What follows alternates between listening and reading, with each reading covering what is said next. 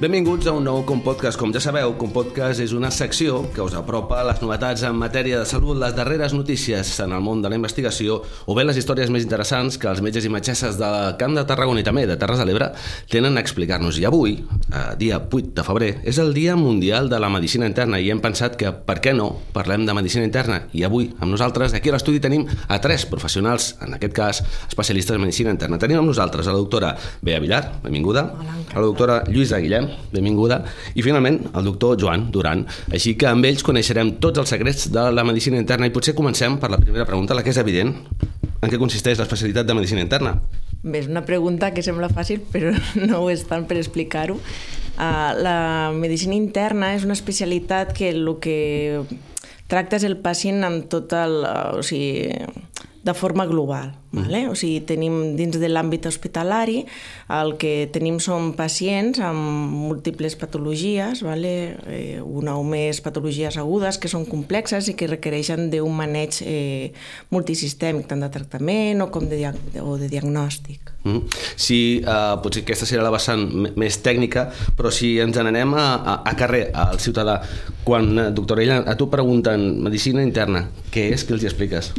És bastant difícil d'explicar, no? Llavors jo dic medicina general i llavors diuen de, com de família i dic, bueno, més o menys però a l'hospital, no? I llavors et fan així una cara enigmàtica que no lo acaben d'entendre i llavors eh, habitualment dius, bueno, diagnòstics difícils i llavors, ah, Doctor House i dic, bueno, més o menys i l'altra cosa també els dic, bueno, pues això, gent que té moltes malalties o, per exemple, també l'àmbit de les infeccions també entra dintre de medicina externa actualment. Mm. Doctor Duran, uh, si filem prim, uh, quina mena de casos, quina mena de, de patologies us podeu trobar? Ha comentat ella uh, Doctor House, però el Doctor House era una cosa... Sí, uh, molt, molt. Exacte. Uh, uh, Especifica'ns una miqueta o, o explica'ns què és el que... quina mena de casos podeu sí. tractar. Bueno, ella, per exemple, les meves companyes han parlat de diferents àmbits, no? En l'àmbit de l'atenció a la cronicitat i pluripatologia, que és a dir, que pacients que tenen moltes malalties, doncs exemples així més més representatius, doncs, per exemple, serien la insuficiència cardíaca, coincidint amb insuficiència renal, és a dir, disfunció del cor i del ronyó a llarg plaç. Mm, pel que fa, per exemple, a les infeccions, podrien ser infeccions de pulmó, que en diem pneumònies, o infeccions de ronyó, pilonefritis, i altres àmbits que també toquem, doncs l'àmbit diagnòstic que han dit doncs, seria, per exemple, el diagnòstic de, de càncers o patologies doncs, que més o menys necessitin una rapidesa a això.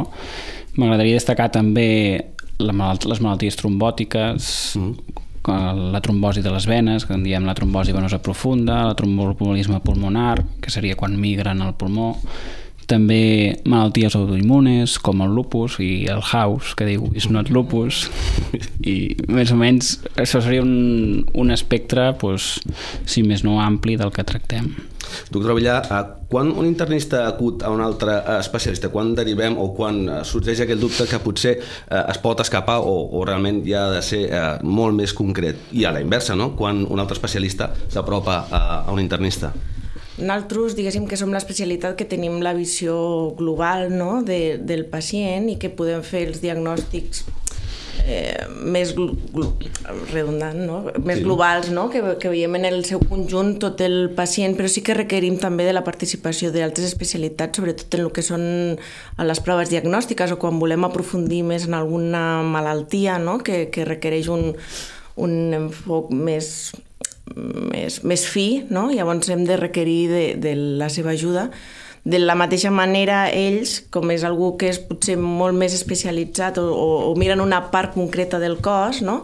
Quan tenen pacients que són pluripatològics, que tenen moltes comorbilitats, també requereixen de, de la nostra participació i, i també en coses concretes nosaltres també participem, perquè nosaltres, diguéssim, tot allò que és infecciós eh, entra dins de la, del, de la nostra especialitat, que sol ser un recolzament que nosaltres sí que donem a les altres especialitats, o patologia autoimmunitària també és algo que, que abarca el nostre, la nostra especialitat. El contacte, doncs, és, és constant. És constant, sí. Avui en dia jo penso que anem cap a una... ho direm, eh, probablement més endavant, però és un, és un treball en xarxa amb les altres especialitats, és el que és més beneficiós pel pacient.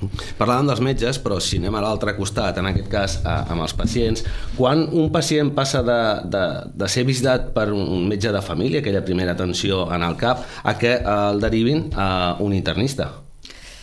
Eh, bueno, hi ha diverses formes, no? Una seria quan no tens un diagnòstic clar no? i al final a l'ambulatori es poden fer unes proves limitades amb, un, amb bastant, no? coses que no són ràpidament progressives perquè hi ha un temps d'espera llavors si algú necessita un diagnòstic ràpid i no, amb les proves bàsiques no hi ha una, una certesa clara de què és el que té, això passa a, normalment a medicina interna per diagnosticar-se l'abans possible i després eh, probablement pues, en el cas de tenir alguna malaltia en concret eh, molt específica, no? autoimmune per exemple, o si ingresses a l'hospital amb múltiples patologies que llavors clar, si només et segueix el cardiòleg només es mira el cor. I llavors no es mira tot l'altre llavors si necessites ajustos de medicació que incloguin tot també passaries a, a càrrec de medicina interna, almenys transitòriament, fins que tot s'estabilitzi, que llavors sí que ja es torna a derivar a primària. Aprofito que, que m'estaves contestant, després també us preguntaré la mateixa pregunta a vosaltres.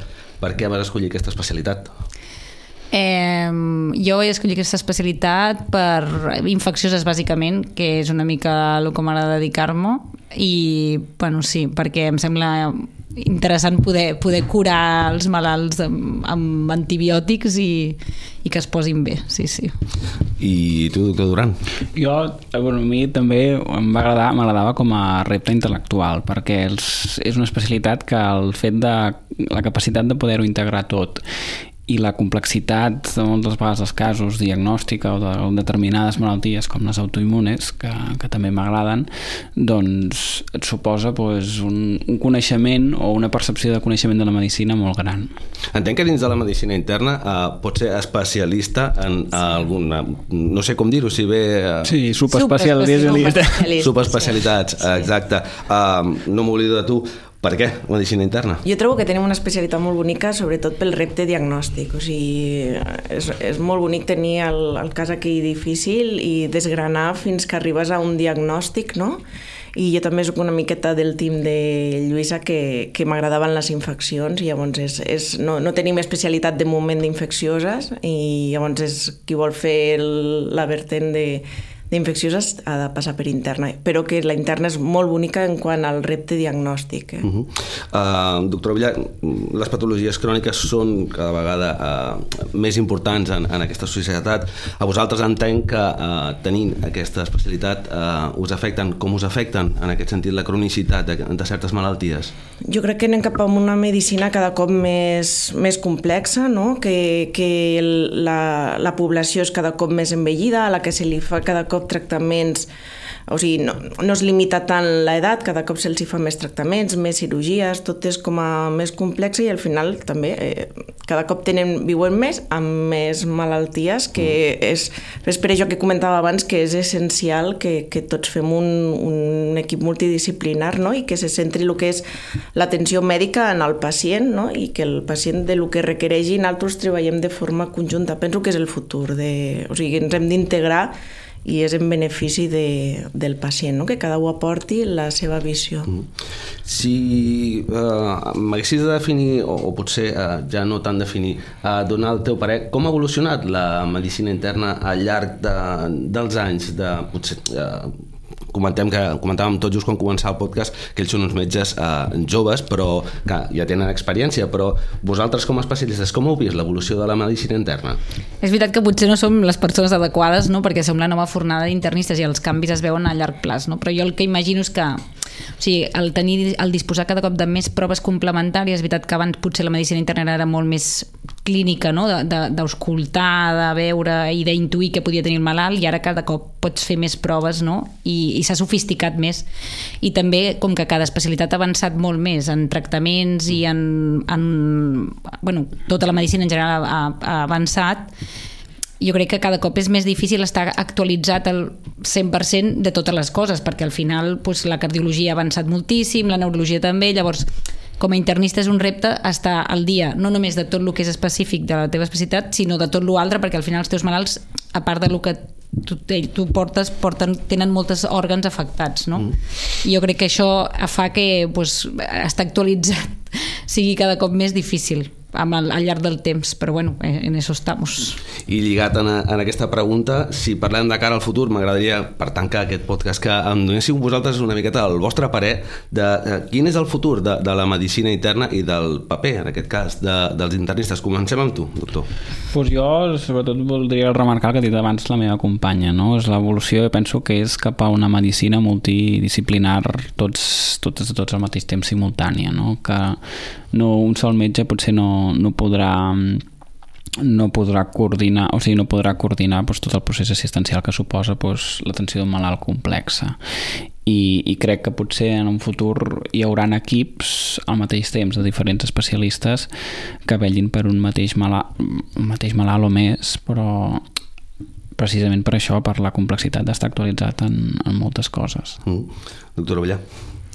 Doncs penso que ens queda un futur de molta feina, penso que hi ha molta feina, penso que és essencial el paper d'un internista, perquè un internista també té el seu paper en un, en un hospital gran on hi ha moltes especialitats, però és fun, fonamental en el que són el paper dels hospitals eh, comarcals. Allí, eh, bàsicament, estan formats, o sigui, la plantilla que ten, tenen allí és internista, no? I, i fan un treball molt pencon d'intentar actualitzar-se i portar aquí malalt que té múltiples patologies i se va assessorant de la resta d'especialistes, però que si mires tot el, el territori, la majoria d'hospitals eh, són comarcals, no? I allí és on està l'internista... La feina. La feina. Uh -huh. I per acabar, doctora Ollà, què eres tu? Eh, no, bueno, jo també penso com ells bàsicament i és veritat que jo crec que anem cap a un model d'assistència compartida, que bàsic és el que deia el Joan, no? que l'internista potser eh, com ajuntarà no, els altres especialistes que, i el malalt pues, mm, serà vist per diversos metges a la vegada de cara a trobar el millor tractament per ell. Doctor Joan Duran, eh, doctora Bea Villar i doctora Llusella, moltíssimes gràcies per ser avui aquí en el Dia Mundial de la Medicina Interna.